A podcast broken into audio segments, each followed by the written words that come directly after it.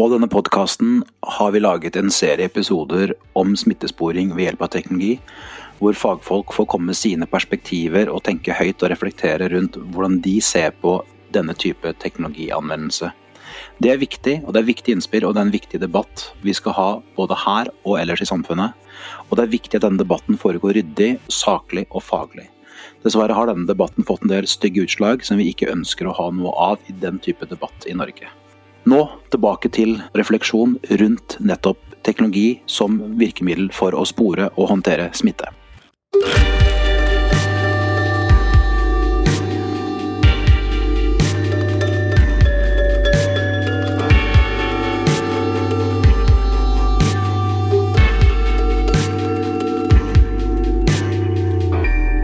Waterhouse, en podkast fra Rebel. Velkommen til en ny episode av podkasten Waterhouse. Det er en podkast fra Rebel. Vi eh, snakker om teknologi, teknologi og samfunn og hvordan teknologi påvirker oss og våre valg og hele samfunnet. Det er jo en podkast for eh, bransjen, eller IT-bransjen som man kanskje vil kalle den, og for beslutningstakere og alle der ute som måtte være interessert i hvordan teknologi og samfunn henger sammen og påvirkes. I dag så har vi med oss uh, Trond Arve Vasskog fra Beck. Vi skal snakke om uh, smitteappen som FHI har lansert og utviklet av Simula. Det er mange aspekter ved den. I dag skal vi fokusere på den delen av den offentlige debatten som handler om kildekoden til den appen. Men før vi kommer så langt, Trond Arve, velkommen. Du eh, jobber i Beck. Du er eh, en kompetent fyr nær bransjen og nær temaet. Kan ikke du gi eh, de som hører på et lite innblikk i hvem du er som fagperson? Yes, jeg har jobba i bransjen her i 25 eh, år. Har jobba stort sett med, utvikling av programvare. altså Laga dataprogrammer for virksomheter i Norge. og har etter hvert også fått uh, en rolle som en sånn teknologidirektør. Altså en uh, ansvarlig for, for, kvalitet og teknologi i, i Beck. Uh, og har også vært engasjert i temaet, både åpen kildekode og, og uh, Smittestopp-appen fra FHI de siste ukene. Mm. Og det, det, er jo ikke bare deg. Det har vært en ganske synlig, tydelig og stor debatt. og Både litt sånn til tider laidback og til tider ganske oppheta, faktisk, rundt den tematikken. Og, og, Derfor så lager vi en del episoder med forskjellig perspektiv på den type sporingsapp, eller smittesporingsapp som, som det er snakk om her. Og Da er det jo veldig fint å bare gå rett inn i nettopp den ene tematikken her. og Du nevnte jo at du har vært interessert i kildekode, åpen kildekode. Eh, noe av det som er debattert eh, heftig, både fra et teknisk perspektiv og også fra et type mer regulatorisk eh, compliance-perspektiv, er jo om, om ikke, og, og, hvorfor eventuelt, kildekoden til denne appen burde være ute og tilgjengelig for, for flere enn de som lager den. Og så er det sånn da at Kildekode det er et ord du og jeg slenger om oss med, eh, og mange andre også for den del. og Vi snakker om det i setninger som om det er helt opplagt og selvsagt hva det er, og det er det jo for oss. Men, men før vi graver oss mer inn i eh, tilgang eller ikke tilgang for allmennheten og fagmiljøer utover de som lager den, hva, hva er egentlig kildekode? Kildekode er jo instruksjonene eh, som gjør at en datamaskin gjør det den gjør. Eh, man kan tenke på det som en kalkulator. Når du skriver 2 pluss 2 på en kalkulator, så regner datamaskinen ut, eller kalkulatoren regner ut at det blir 4. Så 2 pluss 2 er da en eh, kildekode i den sammenhengen. Eh, når du har litt større dataprogrammer, så vil jo det bli mer eh, komplekst. Det er flere kodelinjer, flere kildekodelinjer, og det vil være sammensatt. De største programmene i verden har jo mange millioner linjer om kildekode og er fryktelig komplekse. Men strengt tatt så er det jo på en måte bare vår instruksjon til en datamaskin for at den skal gjøre oppgaven sin eh, vi snakker om her. Ja, altså det er rett og slett når, og Der ligger det forklart at hvis noe skjer, så skal dette her skje. og Hvis noen trykker på den knappen som, som skal ha den formen og den fargen, og den skal være der på skjermbildet, så skal det, dette og dette og dette skje. Ja, stemmer. Arbeidsinstruks for maskinen, rett og slett. Ja, rett og slett. Så, og vi også med det daglig. Så når vi sitter og trykker på en telefon, eh, så er det jo, eh, når den da eh, slår et telefonnummer, så er det instruksjoner bak der som faktisk da ringer opp den du ønsker å ringe til. Så Kildekode finnes jo overalt der det finnes digitale verktøy i dag, da, og telefoner og datamaskiner. Ja, Ok, og da, det, da det, bør det være ganske opplagt at kildekoden er helt sentral i en, en, app som det vi snakker om her. Og i myndighetenes ønske om tilgang på data om hvordan smitten sprer seg, hvordan vi har kontakt med hverandre, om vi er smitta eller ikke, alt dette. Og, og, dermed så blir det en sentral del av diskusjonen rundt denne appen. Og da er det jo veldig interessant, tenker jeg, å, å høre litt om, om hvorfor du Eh, mener det er viktig med tilgang på kildekoden, for du har vært tydelig på det. At, at her bør bl.a. du, altså folk som deg og folk som meg, og folk der, hvem det måtte være der ute som er uh, interessert i dette, har kompetanse osv., så kunne få tilgang til å se på det. Se på arbeidsinstruksen som, som styrer denne appen og, og, samler data sånn som den gjør.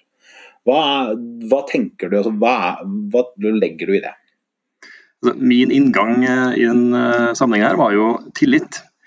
Uh, en sånn app som vi snakker om her, er jo fryktelig viktig at uh, helst alle, alle i hele Norge bruker en sånn app. Uh, og For at det skal skje, for at alle skal ha lyst til og være villige til å bruke en sånn app, så må du ha tillit til at det som du bruker, er gjort på en, på en riktig måte. og For å skape den tilliten, så er jo åpenhet en forutsetning. Du er nødt til å stole på at det som er gjort, er gjort riktig, at det er uh, ryddig arbeid, at det er sikkert nok, uh, at personvernet er ivaretatt osv. Uh, og for å bidra til det, en veldig godt bidrag i den sammenhengen, er jo å eh, tilgjengeliggjøre kildekoden som viser hva som faktisk er gjort. Eh, det er ikke alle som forstår det, men det er nok folk i Norge som kan gå inn og så, uh, validere det her riktig, kan det gjøres bedre, har vi innspill?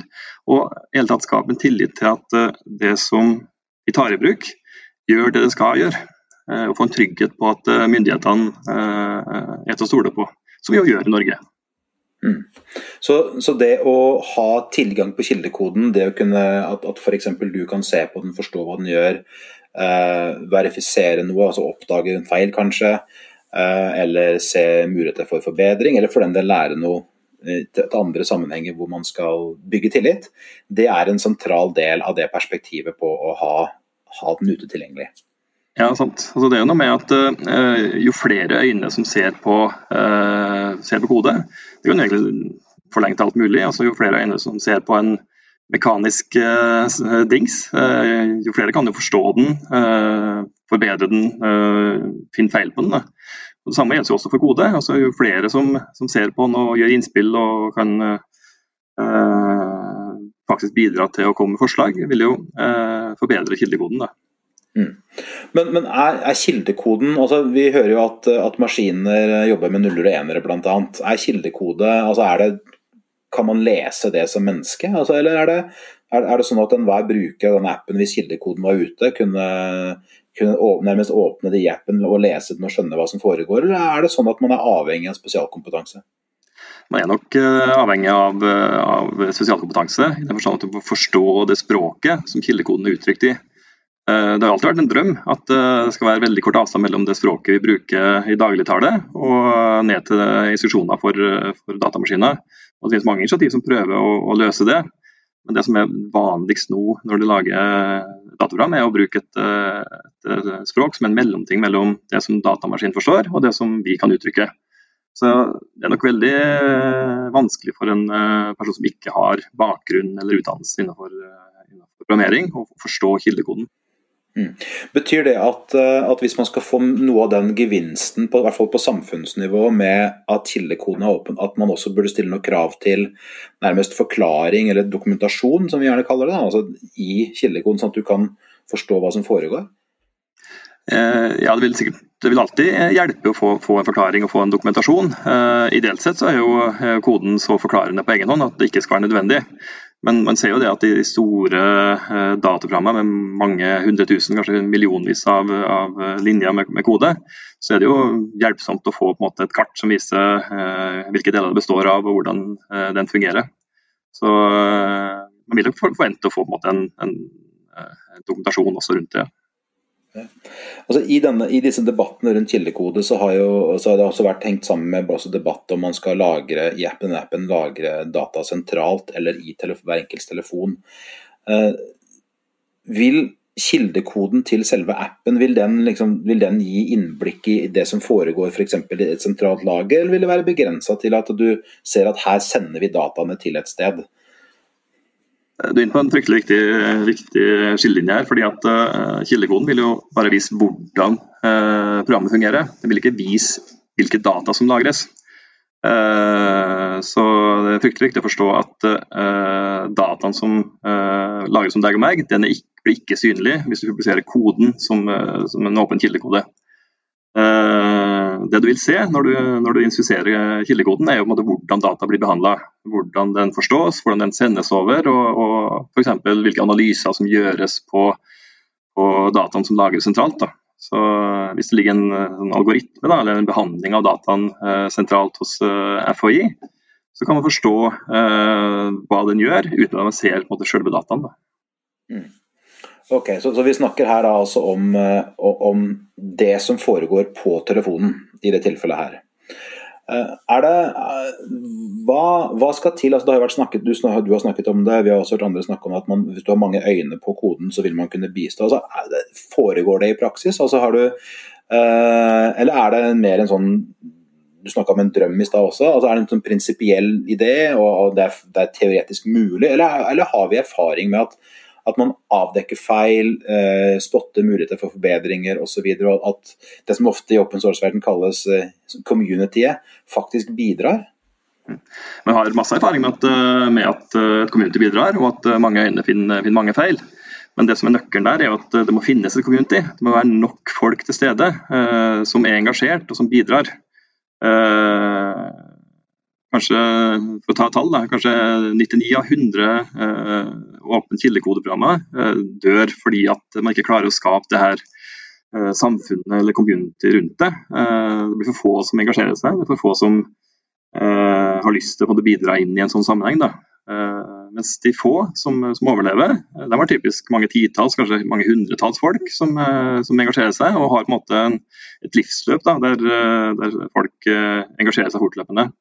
Så eh, Den effekten har vi sett uh, veldig ofte. At, uh, at, folk engasjerer seg og, og bidrar, og, og, finner både feil og mangler da, og forbedrer programkoden. Mm. Sånn som i, i, dette tilfellet med denne appen, så har jo også departementet nedsatt en, en ekspertgruppe som har sett på appen. altså Det er noen andre, folk med kompetanse om kode, om det appen gjør, om sikkerhet, om personvern osv har, har gjort en, en, uavhengig vurdering av kildekoden som er laget. Litt sånn som en revisor ser på et regnskap, som en regnskapsfører har, har produsert. Um, betyr det, altså Når man tar denne diskusjonen her uh, om åpen kildekode, det, uh, skal det forstås som en mistillit til den type ekspertgruppe? Skal det forstås som at uh, man har ekspertgruppe fordi man ikke tror man får nok andre? Altså, eller vil det være et feilspor å si at det ene her betyr det andre? Jeg tenker Det er jo eh, fryktelig bra og fryktelig vanlig egentlig, at man, man måtte bruke tredjeparter for, for, å gjøre en kvalitetssjekk på, på det man gjør. Eh, både tilnærming og, og gjennomføring, da, eller på kildekoden. Så er det fryktelig respekt for uh, denne ekspertgruppa, uh, som uh, gjør gjennomgang og som kan komme med tilbakemeldinger. så det er ingen motsetning mellom den ekspertgruppa og åpen kildekode, på, på, på, ingen måte. det man ikke oppnår med ekspertgruppa, er jo eh, å engasjere mange. Eh, dessuten så er det litt sånn bordet fanger litt for den ekspertgruppa. De er jo på en måte litt sånn nødt til å eh, uttale seg i rammene av det oppdraget de har fått. Og Det kan være vanskelig å være veldig kritisk eh, hvis du har fått oppdraget der. Eh, sånn at eh, det er nok en tilleggseffekt hvis at du får brukt folk som står utafor oppdragsmiljøet. Da. Men som frivillig engasjerer seg, så vil du få helt uh, frie tilbakemeldinger også. Så det blir enda bedre tror jeg, hvis du åpner kildekoden for alle. Ja, nå, skal ikke vi, nå, skal, nå gjør ikke vi noe vurdering av ekspertgruppas arbeid, og, og dette er jo uh, godt kompetente folk som har sittet der. Så, så, det er jo mer en teoretisk øvelse at vi reflekterer litt rundt uh, relasjonen mellom en ekspertgruppe og et miljø som kan se på når man, når man, da får den type innspill, når det gjøres vurderinger osv., så, videre, så ser vi jo også, særlig hvis du ser på en debatten som har vært rundt dette på og kanskje Twitter er den verste arenaen eller beste arenaen, avhengig av hvor man ser på det, så, så er det jo sånn at det er jo alt fra eh, folk som reflekterer rundt dette på et nivå hvor de sier at det, det hadde vært nyttig eller det hadde vært interessant eller, eh, eller noe der omkring, til at det hadde vært åpent, til andre som, som tydelig mener at eh, fordi kildekoden ikke er åpen, så kan man ikke bruke appen. Har du noen tanker om det spennet og, og hva som foregår i, når man har de ytterpunktene der? Uh, jeg tror det er vanskelig å være veldig sånn kategorisk uh, ja eller nei. Altså, jeg tror Noen er jo veldig opptatt av prinsippet og vil ikke bruke den fordi at den er lukka kildekode. jeg er jo ikke der for min egen del. De er sammensatt enn som så. Da. Jeg kan også nevne at for, på tross av at, at denne appen var prioritert som lukka kildekode, så var det jo folk som klarte å å reversere det, og, og engasjerte seg da i å finne, finne feil og, og, og, prøve på en måte å forstå hva det gjorde for noe. da. Så Man ser jo nå at selv om den ikke ble åpna i utgangspunktet, så var det jo en, en drøss med folk som tok tak i kode altså, i appen og, og, begynte å bidra til, til, å finne problemer og feil med, med, med appen. Da.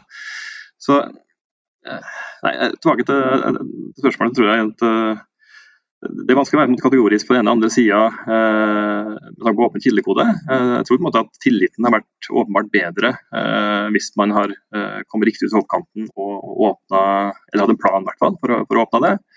Eh, men det er ikke sånn at eh, alle bruer er brent for, for bruk likevel, tenker jeg. Det er jo den vurderingen må man gjøre i, i, en sammenheng, tenker jeg. På nytteverdi, ikke minst. Ja, for, for, noe, for, det er klart at det er jo noe vi kommer tilbake til i veldig mange av samtalene rundt denne appen, med tillit.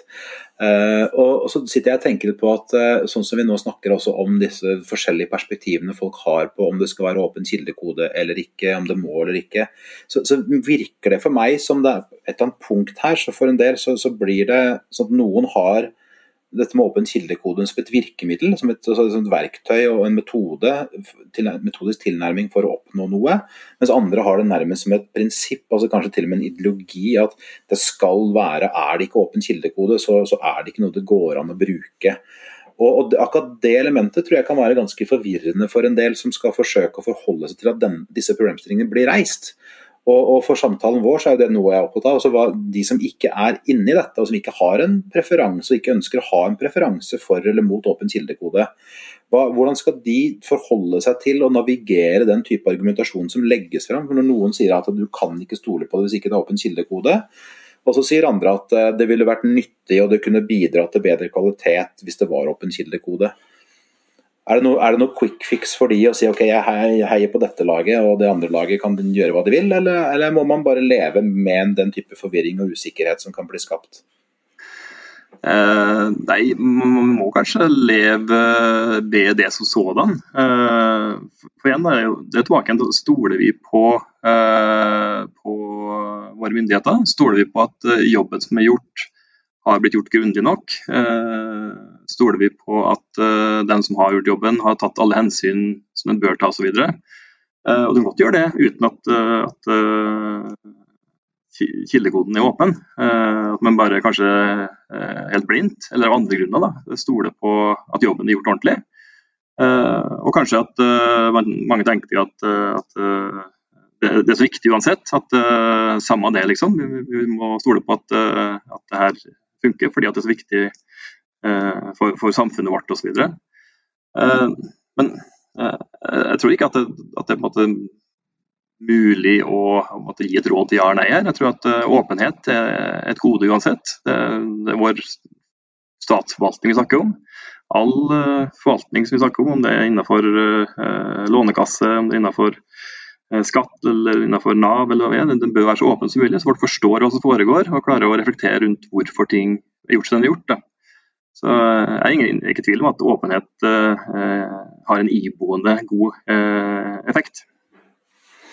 Og, det er jo en av de interessante aspektene ved dette, for da bringer man jo en samtale om kildekode, altså arbeidsinstruksen og oppskriften til maskinen, over i en, en, en, debatt som ligner veldig på den generelle debatten i samfunnet om åpenhet og transparens og, og innsyn osv. Og, og, det er klart at kildekoden, hvis det er arbeidsinstruks for maskinen, så vil jo også det ligne litt på en av, en av de situasjonene man har f.eks. For i forvaltningen, som gjør at man har regler om innsyn der.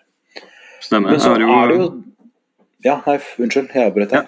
Nei, jeg har jo et godt eksempel på det. for Vi har jobba med f.eks. her foreldrepengeapplikasjonen, foreldrepengeapplikasjon, eller foreldrepengeprogramvaren for, for Nav. Altså utbetaling av foreldrepenger til folk som er i foreldrepermisjon.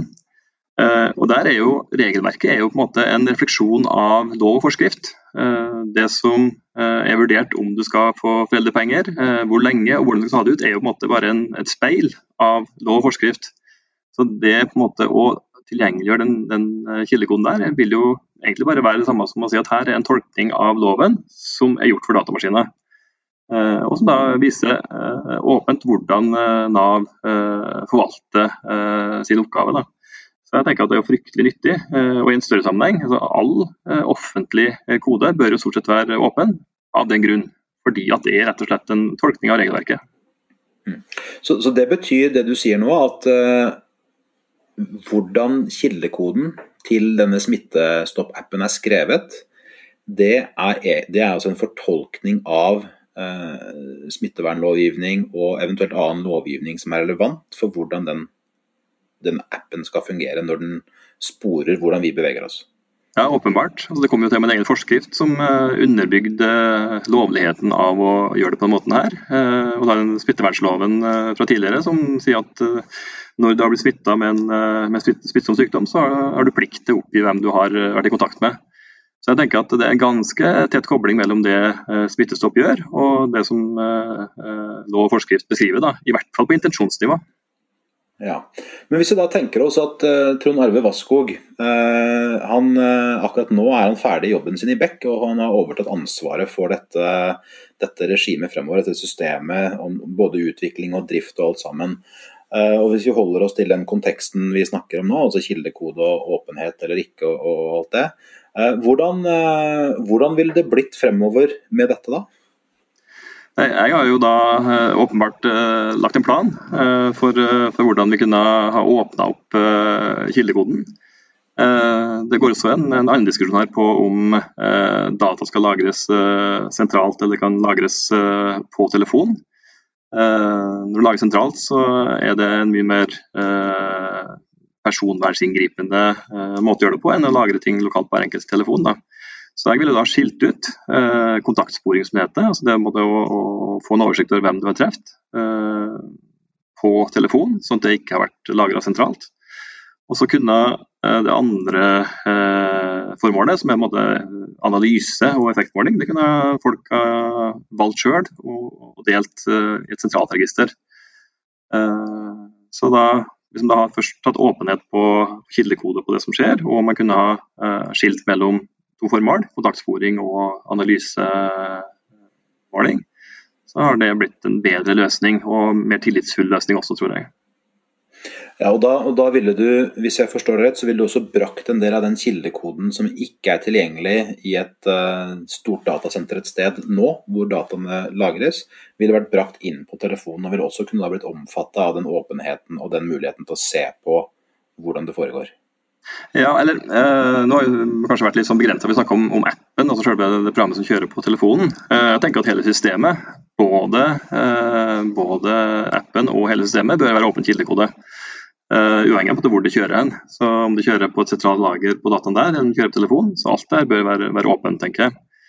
Uh, så det er ikke noe skille mellom uh, lagringsmåte der med tanke på åpen kildekode i mitt hode. Nei, og, men, men, bare for å utfordre det, det perspektivet litt. For, for, en del av de som har vært tatt til orde for at det ikke nødvendigvis er ensidig, åpen, en vurder, ensidig vurdering av åpent ikke, eller at det ikke nødvendigvis er opplagt at det vil være en, en totalt sett gi en, en, økt verdi å åpne kildekoden. Her har jo pekt på hvordan trusselaktører uh, og andre kan gjennom å lese kildekoden kan bruke det mot oss. altså Lære seg noe om hvordan de kan misbruke osv. Altså, har, de, har de ikke noe poeng, eller er dette del av en type avveining hvor man må velge litt hvilken retning man, man ønsker å gå? De har jo et, et veldig godt poeng. Eh, sikkerhet eh, er jo fryktelig viktig når du skal drive og samle inn eh, personsensitive data. Så et sånn krystallklart krav her er jo at både appen og det som skjer på, på, på innsida i et sentralt lager, må være godt sikra. og så er det jo spørsmål hvor sårbar du er når du, når du åpner koden din. Det er jo ingen tvil om at angrepsflaten blir større. Altså, du gjør gjør deg mer sårbar for, for en ondsinna hacker kan du si, da, som har lyst til å utnytte koden din. Så Det, det er poenget. Det er, Jeg måtte ikke vits å diskutere som sådan. Men mitt poeng her i sammenhengen er at når du gjør det her, så må du være sikker uansett. Du kan ikke lene deg på, eh, på eh, sikkerhet i det skjulte, eh, altså ved, å ikke åpne opp. For det er ikke godt nok. Du er nødt til å gjøre en ordentlig sikkerhetsjobb uansett. Og da må du tåle å være åpen. Og Det er kanskje, kanskje igjen noe av det som, som, kobler til debatter vi er vant til å ha, vant til å ha i mange flere år også, om at vi må tåle å være åpne i samfunnet. At det er, en, eh, det, er en, det er en, pris å betale, eh, kan man se på det som, eller en verdi man skaper. Denne åpenheten og, det, og hvordan man ser på det, handler sikkert litt om hvor man står og hva man syns er det viktigste osv. Men, men uansett. Så, så, sånn som jeg forstår deg, så når, du, så når, når og hvis, eller kanskje vi skal si om eh, du overtar ansvar for alt dette, så, så vil, nett, vil, det fra ditt perspektiv være sånn at den, verdiene som følger av å åpne koden opp, de vil gå over eller trumfe de, de verdiene og perspektivene andre har på å beholde den innenfor det miljøet som utvikler og, og gjør tredjepartsvurderinger av koden. Ja, det tror jeg nok. Og Du kan også se på andre, uh, andre sporingsapper som finnes omkring i verden etter hvert. Uh, Singapore var jo tidlig ute, laga en som heter Trace Together. Uh, som var gjort med, med desentral lagring, anonym lagring.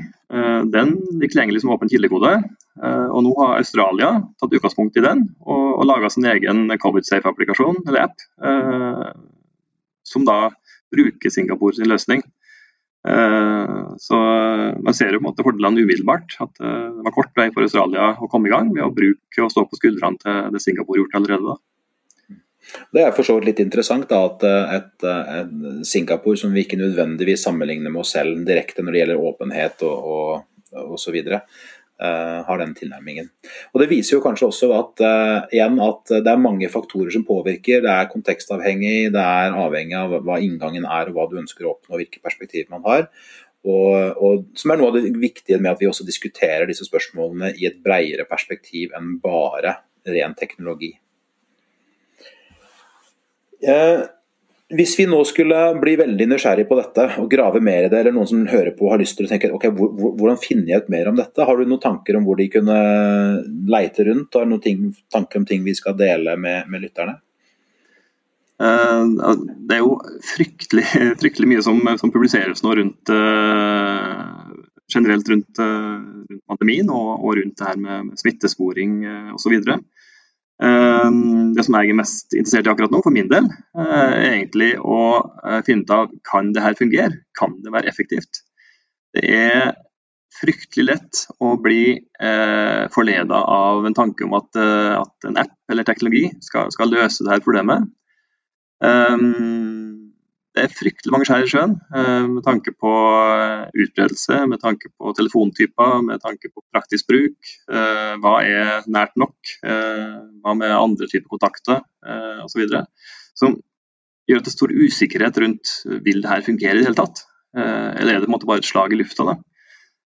Så jeg tenker Det er fryktelig viktig å være åpen om det også. altså Gå ut med for effektmål. da. Hvordan, hvordan vet vi at det her fungerer? Og, og, og måle rundt altså Få faktisk tilbakemelding. Da, vil, det, vil det hjelpe smittevernkontorene i å, i å spore, spore smittekjeder. Uh, så det er på en måte min største interesse akkurat nå. Vil det her faktisk ha en mulighet til å fungere? For Nå kommer jo på en måte det her eh, motstemmene som tenker praktisk bruk, som er vant med å tenke menneske-maskin-interaksjon. Er det mulig faktisk å få det her til å fungere? da? Mm. Så... Og det kan, eh, Hvis jeg forstår det rett, så kan det bety at en av de viktigste læringseffektene for oss av dette er jo er med tanke på inn mot neste runde med en eller annen form for pandemi, som vi selvsagt håper aldri dukker opp, men, men likevel at vi, at vi, nå gjør mye læring på som du bl.a. sier, menneske-maskin-interaksjon, og, og hva, hvordan vi skal være forberedt og hva vi da kan gjøre uh, som vil, vil kunne hjelpe oss. Så det, det, er jo veldig spennende, og, og både med tanke på selvsagt situasjonen nå, men, men også med tanke på, på seinere. Tusen takk, eh, Trond Arve, for at du var med oss. Eh, vi, eh, jeg håper vi har bidratt til at hva åpen kildekode i denne debatten handler om, er litt tydeligere. Og så er jeg helt sikker på at det er en debatt som ikke er ferdig, i det minste ikke ferdig på Twitter. Og Det blir veldig spennende å følge dette videre og se hva som skjer både i Norge og i de andre landene hvor man har den type apper i bruk. Og eh, som alltid, hvis de som lytter på har eh, forslag til oss om ting vi bør grave mer rundt denne tematikken, eller brenner for noe, eller har lyst til å reise seg opp og si at eh, dette må man diskutere videre, så er vi selvfølgelig veldig åpne for det. Og så eh, høres vi igjen om ikke så lenge. Takk skal du ha. Takk for at du kunne være med.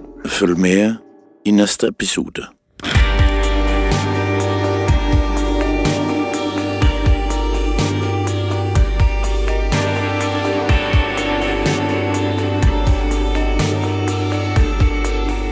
For at du hørte på podkasten Waterhouse. Vi kommer tilbake. Vi skal lage mange flere episoder med mennesker som har tanker om og følelser for og visjoner om hva vi skal få til med teknologi. Vi skal snakke med de som har greie på teknologi, og de som skal hjelpe oss å forstå hva dette innebærer. Waterhouse, en podkast fra Rebel.